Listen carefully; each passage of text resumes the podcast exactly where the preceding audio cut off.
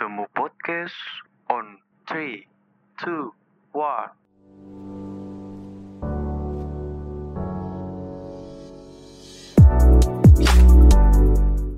Selamat datang di Temu Podcast. Pakai teman muda bareng gua Nasrul dan gua Arif. Nah, di podcast kali ini kita akan launching podcast pertama kita by Aliansi Remaja Independen yang akan ditemani sama Jojo, anggota Ekskornas, dan Arif Bani eh, selaku Kornas baru Ekskorda Jawa Tengah.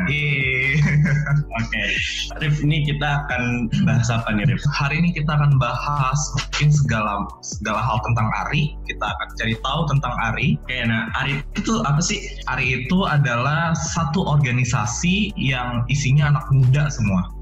Oh, oke. Nah, lu sendiri udah berapa lama di Arif? Kalau gua tuh dari 2000 li- 2014 kalau nggak salah. Wow, berarti udah 2014 akhir gua diwawancara uh, di bulan Desember Desember terus di Januari 2015 itu mulai uh, gua berkontribusi di Ari. berarti udah lima tahun ya. Betul. Dan waktu itu gabung di Ari, taunya lucu dari Twitter. Kalau Oh, lagi pengen oke. dapat uh, kegiatan dan akhirnya menarik. Itu 2015 lu SMA atau kuliah atau Masih SMA. masih SMA? Gila gila. Kalau gue tuh baru masuk ARI tuh 2018. Jadi baru aktifnya di 2019. Ah. Dan gue tahu Ari itu dari Instagram. Wah. Dan pas banget, pas gue tahu Ari, Ari lagi oprek gitu. Dan di Ari, gue mendapatkan pandangan baru terhadap sebuah organisasi. Cool. Nah, buat teman muda yang mau tahu Ari itu apa, nah ini kita ada Jojo dan Arif Bani. Halo semua, gue Jojo. Halo semua, saya Arif Bani. Oke, Jojo dan Arif Bani bisa jelasin kali ya, apa sih Ari? Oke, ARI adalah uh, sebuah organisasi yang dipimpin oleh anak muda usia 10 sampai 20 15 sampai 24 tahun yang kita melayani uh, remaja usia 10 sampai 24 tahun. Nah, kita uh, ada di empat provinsi di Indonesia, ada di NTT, NTB, Jateng dan di Sulawesi Selatan. Dan kantor pusatnya ada di Jakarta. Nah, kita bekerja di isu kesehatan, pendidikan sama isu ketenagakerjaan. Sorry, Mungkin ini kali Jo, isu kesehatan, isu ketenaga kerjaan, dan non kekerasan dan non diskriminasi. Ya betul, seperti itu.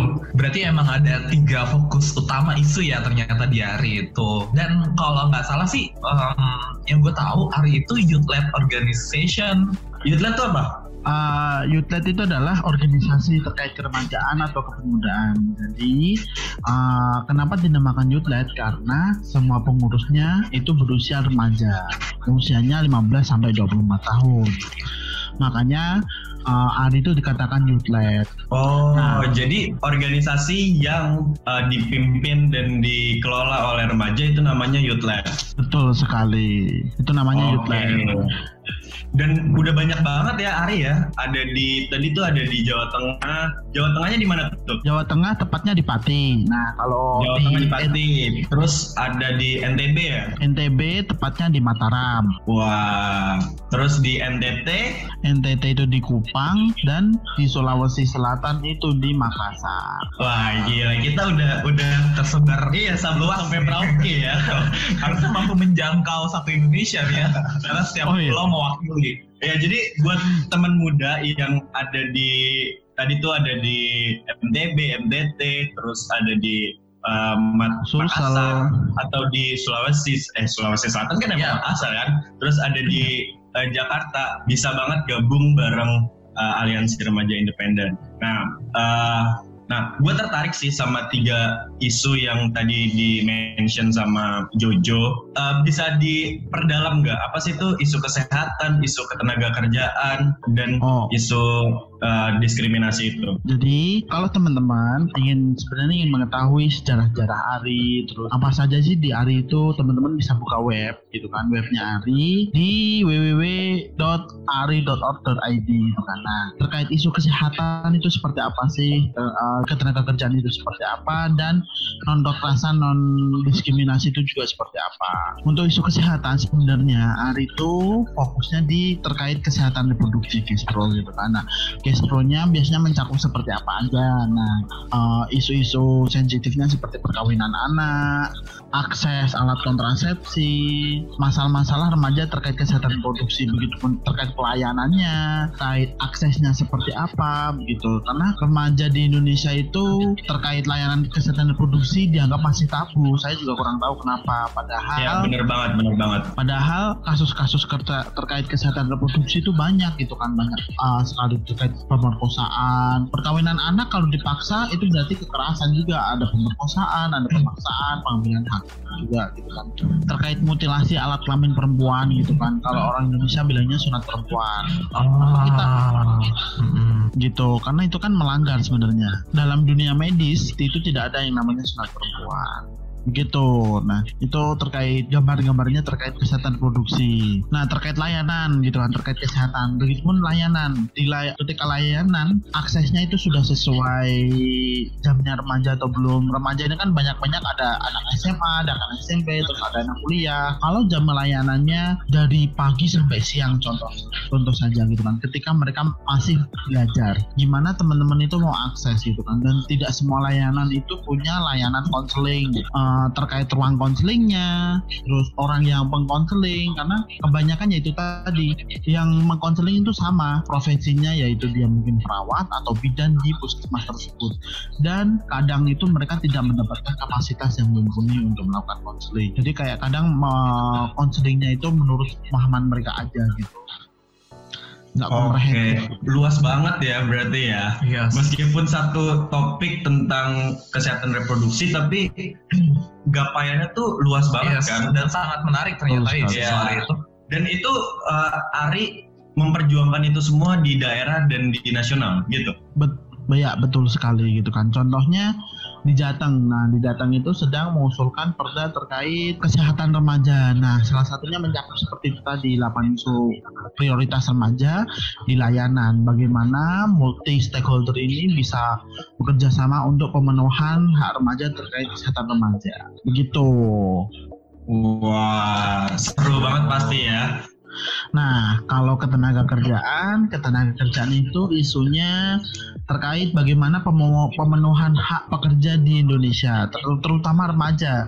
Kenapa? Karena eh, banyak sekali remaja-remaja ini tidak mendapatkan hak selayaknya gitu loh, bukan sela- eh, tapi kayak dapat perlakuan yang beda ketika remaja gitu kan. Contoh kasusnya adalah karena aku banyak berkecimpung di Pati gitu kan, aku melihatnya di Pati. Ketika contoh seseorang laki-laki dan perempuan kerja di satu tempat yang sama dengan pekerjaan yang sama, tapi gajinya beda. Kenapa?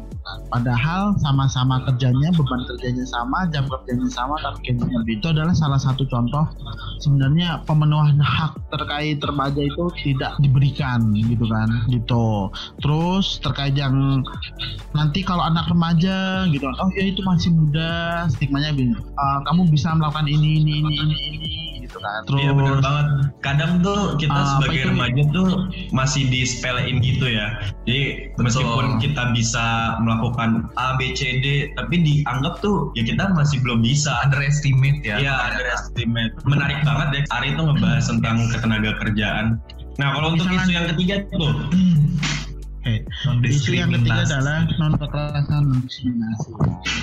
Oh, ah, ini setahu gue ini adalah isu baru ya, Rif uh, Bani ya. Uh, Ya mungkin betul sekali. bisa diceritain kali ya kenapa kenapa Ari tertarik masuk ke isu itu. Isu Ari dulu itu kan uh, ada tiga, salah satunya pendidikan yang tadi Jojo juga salah sebut. Nah, akhirnya uh, diganti. Kenapa? Karena kita merasa masih bingung gitu kan di hari itu. Uh, kontribusi kita terkait pendidikan itu seperti apa? Karena secara nggak langsung di isu kesehatan juga berkontribusi dengan pendidikan, di isu tenaga kerjaan juga berkontribusi dengan pendidikan. Oh ya, sebelum lupa tambahan juga seperti di isu tenaga kerjaan tadi, sebenarnya uh, kita sebagai remaja juga ketika bekerja di awal tidak diberikan informasi atau pembelajaran secara komprehensif. Kadang itu tiba-tiba langsung suruh kerja aja. Uh, terkait NKID uh, non kekerasan non diskriminasi. Di non kekerasan non diskriminasi akhirnya kita uh, menyasarnya ke sana karena banyak sekali pemer, uh, permasalahan terkait kekerasan dan diskriminasi di kalangan remaja. Seperti di sekolah gitu kan. Uh, kekerasan dan diskriminasi antar teman terkait ter, uh, warna kulit terus terkait strata sosial terkait latar belakang itu masih sangat terjadi apalagi di daerah-daerah. Bahkan sampai sekarang masih ada uh, ketika teman-teman itu kecil orang tuanya bahkan yang melarang kamu jangan berteman dengan ini gitu kan karena dia itu uh, nilainya jelek. Nanti kamu ketularan. Hal hal-hal seperti ini yang sebenarnya perlu diubah. Sejak kapan nilai jelek itu menular? Dan penularannya lewat jalur apa kita juga nggak tahu. Case-case-nya pasti akan banyak sekali. Belum lagi terkait kekerasan kekerasan bacaan seksual di jalan anggapan masyarakat kalau perempuan di apalagi di daerah gitu kan. Perempuan jam 9 malam jam 10 malam masih naik motor dianggap perempuan nakal. Kan padahal kan kita nggak tahu bahwa dia itu pulang kerja gitu kan. Kerjanya memang sip-sipan gitu kan. Apalagi di pabrik gitu kan. Di pabrik jam 11 malam ada yang baru berangkat jam 11 malam ada yang baru pulang. Lah kalau seperti itu berarti akses terkait perempuannya remaja perempuan itu tidak bebas gitu.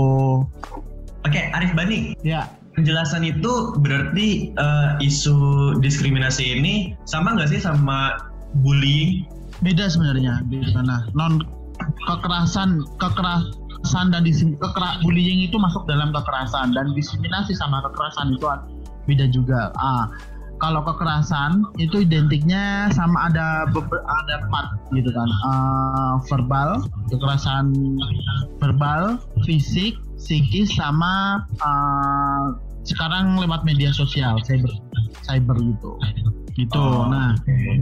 bullying itu masuk dalam kekerasan gitu. Kalau diskriminasi sebenarnya itu juga sebenarnya diskriminasi itu masuk dalam kekerasan, tapi konteksnya diskriminasi itu lebih pada mengucilkan, lebih banyak kasusnya diskriminasi ketimbang kekerasan-kekerasan seperti yang lain gitu kan karena secara nggak sadar kita itu pernah melakukan diskriminasi tapi itu nggak terlihat gitu kan seperti kayak bullying juga uh, sama kekerasan-kekerasan seperti kita itu memanggil nama bapaknya dengan dalih kita bergurau tapi ternyata dia tersinggung. Oke berarti luas banget ya. Luas banget uh, cangkupan dari hari ini untuk uh, memegang hak-hak remaja ya.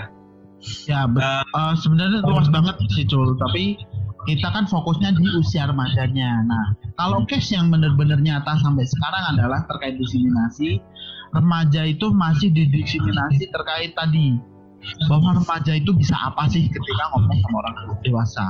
Makanya akses di kitanya terus uh, hak-hak kekuasaan terkait remaja itu dibatasi gitu loh. Dan ketika jarang kan ada organisasi contoh uh, panitia 17 Agustusan desa A. Ketua remajanya remaja itu jarang. Terus panitia oh, ulang tahun desa A. Panitia remaja itu jarang. Pasti orang dewasa dulu. Gitu. Masih berarti masih banyak ketidaksetaraan antara orang dewasa dan remaja. Padahal remaja juga punya kapasitas untuk memegang itu semua gitu ya. Betul sekali. Ya, nah dan isu-isu itu tuh banyak banget yang bisa kita bahas di temu podcast ini ya nggak Rif? Yes, betul sekali. Nah jadi uh, mungkin di episode-episode yang akan datang akan banyak uh, pembahasan yang tadi udah dijabarin sama Arif Bani itu terkait dengan isu kesehatan, isu tenaga kerjaan, sama kekerasan dan non diskriminasi. Yes, dan di sesi selanjutnya mungkin kita akan menelisik lebih jauh tentang isu secara substansi yang ada di hari itu sendiri ya. Betul. Nah, uh, tapi gue masih penasaran sama budaya kerja sih. Banyak banget yang dibahas dan Jojo bisa ngasih tahu uh, budaya Ari itu gimana sih? Style hmm. kegiatannya Ari. Betul. So um, sebelum gue masuk ke sebenarnya budaya Ari, budaya kerja Ari itu apa? Mungkin tadi Bani sudah jelasin sedikit banyak tentang uh, isunya Ari gitu. Tapi sebenarnya apa sih yang Ari lakukan uh, advokasi itu ada yang paling utama. Jadi um, advokasi ini bukan advokasi yang kasus kasus ya, uh, tapi advokasi yang uh, lebih kepada kebijakan gitu. Jadi kayak Misalnya kalau di di kementerian ternyata mau membuat sebuah um, strategi strategi nasional tentang kesehatan remaja. Nah kemudian Ari masuk di situ tuh.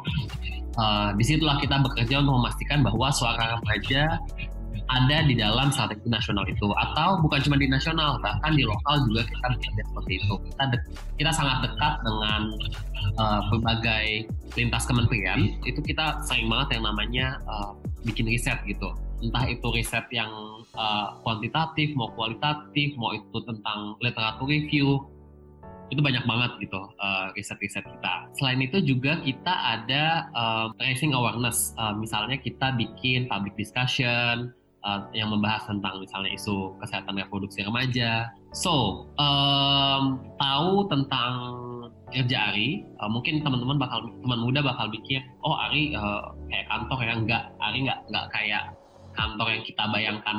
Jadi kita tuh memang bener-bener ya ya udah kalau teman-teman ngelihat kayak kayak BEM yang kayak anak muda semua, ya kita kayak gitu tuh. Tapi kita memang agak lebih agak hardcore ya uh, mainannya karena kita mainannya advokasi dan ini uh, mempengaruhi hidup hajat hidup banyak orang gitu. Nah, oke. Okay. Berarti meskipun ada di tengah wabah COVID-19 ini, kita masih tetap bisa kerja ya. Yang penting job desk kita tuh bisa selesai kayak gitu ya. Betul. Nah, uh, gue mau tahu dong, kan sekarang uh, Arif Bani terus Jojo lagi WFH nih ya. Selain kerja, apa yang kalian lakukan di rumah? Mungkin dari Jojo dulu kali. Kalau gue biasanya, kalau um, gue pagi-pagi jam 7, jam 8 tuh gue udah mulai kerja sampai jam 10, jam 11. Udah habis itu uh, gue makan siang, nonton YouTube sampai jam 1A, jam 2. Terus baru habis itu langsung lanjut kerja. Biasanya gue nggak lanjut kerja di meja kerja, tapi di kasur gitu. Jadi kayak santai gitu loh jadi nggak terlalu press banget tapi biasanya gue kalau kerja yang mikir itu di pagi hari karena itu kayak bagi gue kayak lebih uh, fresh aja daripada gue harus kerjain hal yang mikir kayak bikin uh, policy paper. Pagi apa siang-siang tuh gue udah mumet gue yang ada gue nggak bisa mikir. Jadi biasanya gue kalau siang itu ngerjain yang kayak yang nggak terlalu mikir kayak misalnya ngerjain apa uh, input atau ngerjain apa ngitung-ngitung budget itu kan nggak terlalu mikir-mikir banget. Gitu sih jadi lebih yang lebih santai di sore hari. Tapi biasanya gue kalau kalau di rumah itu selalu aja ada kerjaan. Maksudnya kerjaan rumah ya kayak misalnya nyapu terus ngurusin empat kucing gua terus uh, tiba-tiba ada ada paket ada atau ada bayar apa ngambil laundry itu banyak hal yang harus gua kerjain kayak 24 jam justru nggak cukup kalau di rumah gitu sih biasanya Oke, sambil kerja sambil ngerjain pekerjaan rumah juga. Nah, kalau Arif Bani sendiri di rumah nih, di, khususnya di Pati ya. Kalau gue WFH ini ngapain aja ya? Banyak hal sih, tapi karena rumahku sama Ari deket aku kadang mampir ke Ari gitu. Nah karena di Ari juga teman-teman eh, yang rumahnya paling dekat kan aku jadi aku sering di sini.